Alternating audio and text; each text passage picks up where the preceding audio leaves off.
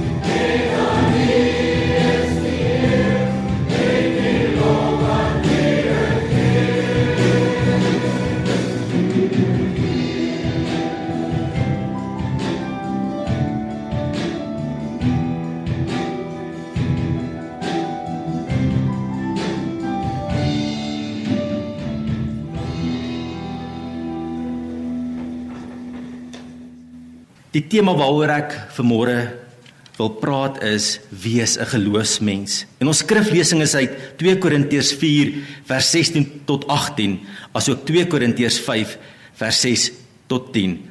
Ons gaan lees uit die 1983 vertaling. 2 Korintiërs 4 vers 16 lees as volg: Om hierdie rede word ons nie moedeloos nie.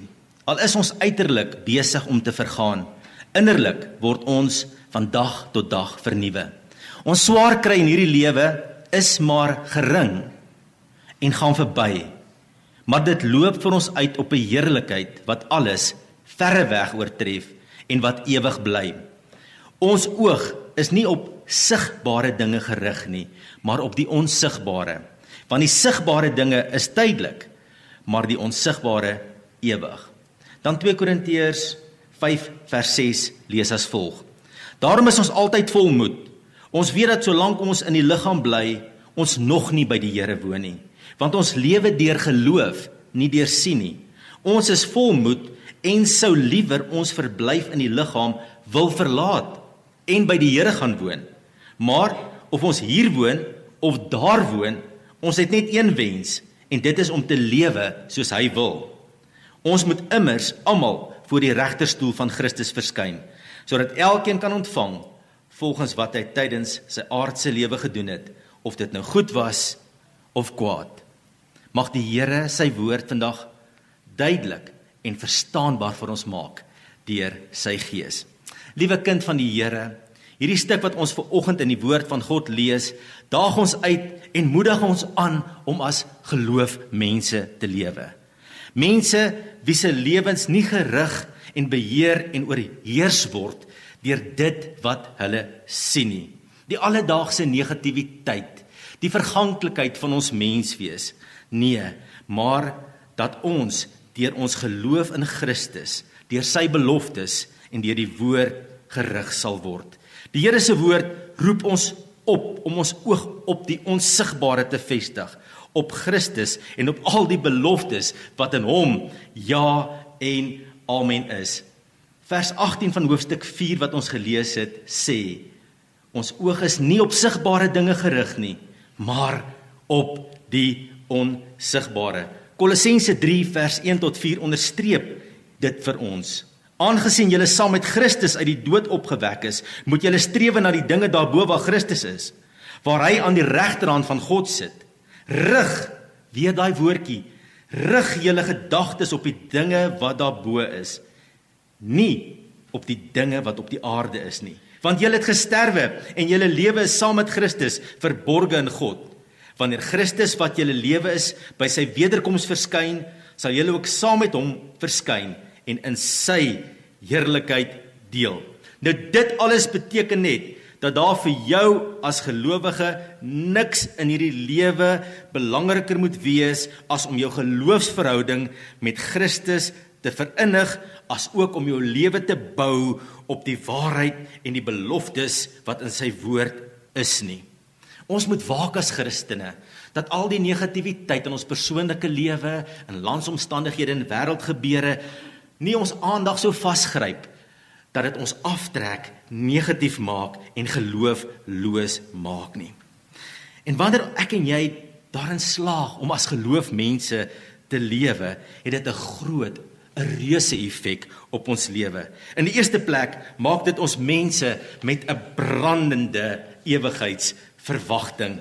Kyk wat sê 2 Korintiërs 5 vers 8. Ons is vol moed en sou liewer ons verblyf in die liggaam wil verlaat en by die Here gaan woon. As kinders van God het ons iets om na uit te sien. Verby die horisonne van hierdie aardse en gebroke wêreld.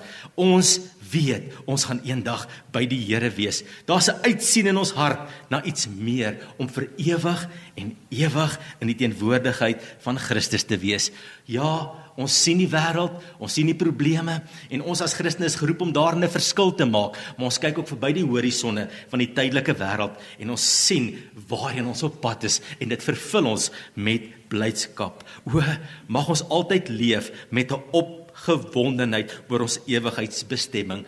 Mag ons daaroor sing, mag ons die Here daaroor loof want hierdie aarde met al sy hartseer en al sy stikkend is maar net tydelik. Ons sien uit. Ja, eendag sal die sterflike deur die lewe verteer word.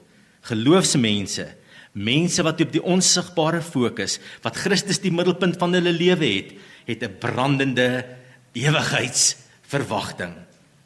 Nog 'n groot effek wat 'n geloofsmens beleef is dat ons die kragwerking van die Here in ons lewe beleef. Kyk wat sê die tweede gedeelte van vers 16 in hoofstuk 4. Daar staan al is ons uiterlik besig om te vergaan, innerlik word ons van dag tot dag vernuwe. Die feit dat ons 'n lewegewende en 'n lewende geloofsverhouding met Jesus het en ons oog gerig is op sy woord en sy beloftes, ontsluit die werklikheid van sy opstanningskrag in ons alledaagse gewone lewe. Ja, Uiterlik is ons maar besig om te vergaan. Ons word ouer, ons liggame word swakker. Die wêreld rondom ons lyk of dit agteruitgaan en aan verganklikheid onderworpe is. En ons probeer mos alles om ons liggame jonk en oulik te hou. Ons drink pille, ons koop dit ten duurste. Die mense wat haarkleursel vervaardig, maak miljoene. Ons oefen, ons volg boererate, maar die agteruitgangsproses in ons is onomkeerbaar. Ons wat onlangs by 'n skoolreunie was by 'n 30ste of 'n 40ste jaar skoolreunie, het hierdie waarheid voor ons oë sien afspeel, is dit nie so nie? Daai meisie van 18 jaar lyk nie meer dieselfde nie. En daardie man wat so mooi gebou was, lyk ook nie meer dieselfde nie.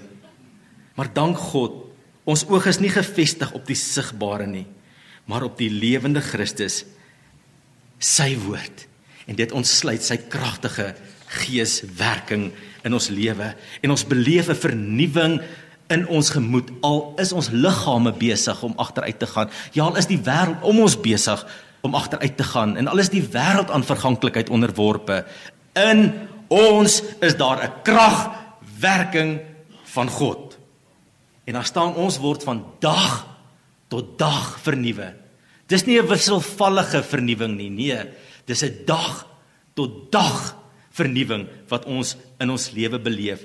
Dis iets konstant. Maar ons verantwoordelikheid is lees ons in hierdie gedeelte dat ons ons oog moet hou op die onsigbare, op Christus, op sy woord, op sy beloftes. Dan deel ons in hierdie krag, die opstandingskrag van Jesus. Dit beteken prakties dat ek en jy as kind van die Here tyd sal maak om die woord te lees en in ons gees te bære. Dit beteken dat ek en jy tyd sal maak om in gebed met hom te praat. Dit beteken dat ek en jy sal soek om vervul te wees met die Heilige Gees. Nou 1 Timoteus 4 hier van die tweede gedeelte van vers 7 sê iets baie interessant. Daar staan: "Oefen jou liewer om in toewyding aan God te lewe." om jou liggaam te oefen het wel 'n bietjie waarde. Maar om in toewyding aan God te lewe het in alle opsigte groot waarde, want dit bevat 'n belofte van lewe vir nou en die toekoms. Geloofsmense beleef die vernuwingskrag van Christus in hulle lewe en hulle word innerlik sterk. Hulle word veerkragtig. Daar is 'n opgewondenheid in ons. Daar is 'n vreugdevolheid, 'n entoesiasme, 'n waagmoed. Ons is vol durf, daar's dapperheid by ons. Ons is vasberade. Ons is hoopvol. Ons is mense wat met hierdie krag van die Here in ons lewe, in hierdie wêreld waar ons tans lewe, 'n verskil wil maak. Wat liefde wil gee, wat wil uitreik, wat brûe wil bou, wat diensbaar wil wees, ten spyte, ten spyte van verganklikheid wat ons om ons beleef. Is daar iets in ons wat ons oproep om te sê leef my koninkryk uit. 2 Korintiërs 4 vers 7 sê dit ook so mooi. Ons wat hierdie skat in ons het, is maar kleipotte wat maklik breek. Die krag wat alles oortref, kom dus van God, nie van ons nie. Ja, ons is mense met die krag van die Here in ons, maar die verantwoordelikheid lê by ons om reg te fokus. As ons gaan fokus net op die aardse op dit wat ons aftrek, sal ons nie die krag beleef nie. Maar wanneer ons in geloof fokus op hom, op sy woord en op sy beloftes, dan word hierdie krag deur sy gees in ons lewe ontsluit. Nog 'n reuse effek wat geloofsmense beleef is troos in teleurstellings en verliese. In Hoofstuk 4 vers 17 staan: Ons swaar kry in hierdie lewe is maar gering en gaan verby, maar dit loop vir ons uit op 'n heerlikheid wat alles verre weg oortref en wat ewig bly. Ons almal het dit mos al ervaar. Hartseer, drome wat aan skerwe lê, die verlies van 'n geliefde, teleurstelling, emosionele verwonding, mislukking. En die pyn van so iets is mos baie erg.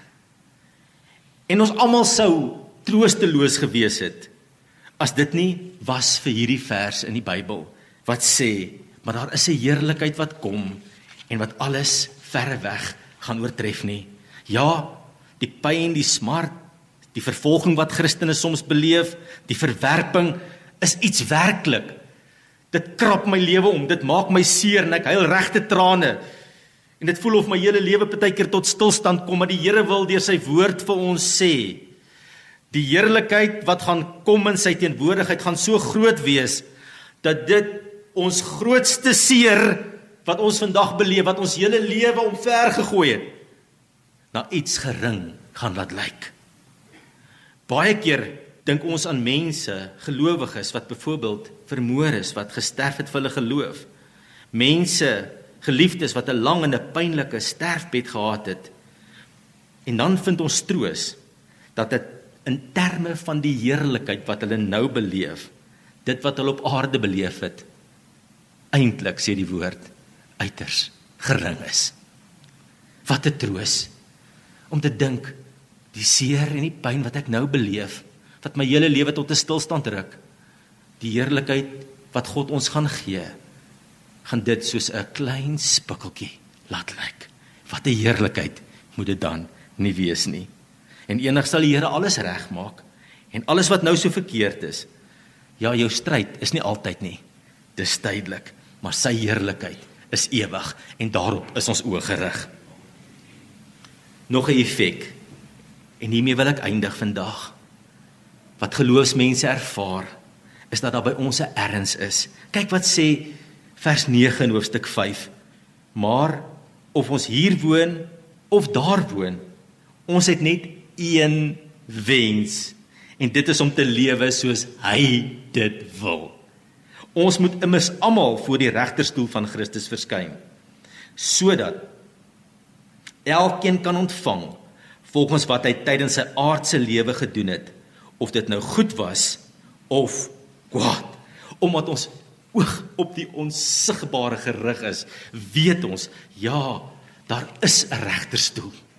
En dit bring by ons erns, dit bring by ons 'n begeerte om ons hele lewe aan die Here te wy. Want ons weet daar gaan 'n dag kom want ons oog is nie op die sigbare gerig nie, maar op die onsigbare. Want ons weet daar gaan 'n dag kom dat ek persoonlik en alleen voor die regterstoel sal staan om te ontvang beloning vir die goeie wat ek gedoen het of om dalk nie beloning te ontvang vir dit wat ek nagelaat het om te doen nie. En dit moedig my aan tot aksie. Dit moedig my aan om God se koninkryk op hierdie aarde uit te brei om God se woord in my huisgesin in te dra, om my kinders te vertel van die Here, om my getuienis, my storie daar buite te vertel, om 'n verskil te maak, om sout en lig te wees, want ons oog is nie net gerig op die nou nie, maar op die onsigbare en in ons gees oog sien ons alreeds hoe ons voor die regterstoel van Christus staan om te ontvang die goeie wat ons gedoen het. Dit laat my dink aan die lewe van Moses en ons lees in Hebreërs 11 vers 24 daarvan. Omdat Moses geglo het, het hy toe hy groot geword het, geweier om die seun genoem te word van die Farao se dogter.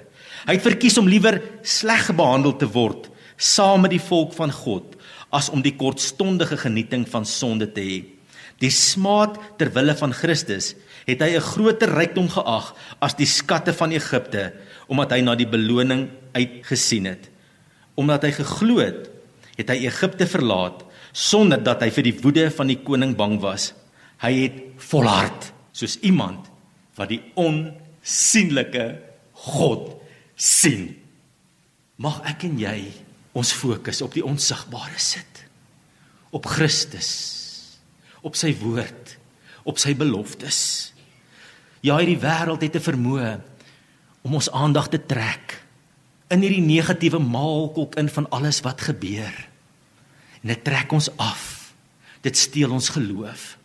Maar vandag kom ons maak 'n keuse om geloof mense te wees. Mag jy die krag en mag jy die heerlikheid van die Here in jou lewe beleef.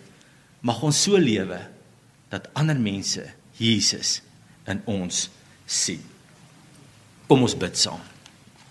Hemelse Vader, dankie dat U ons help om as geloof mense te leef.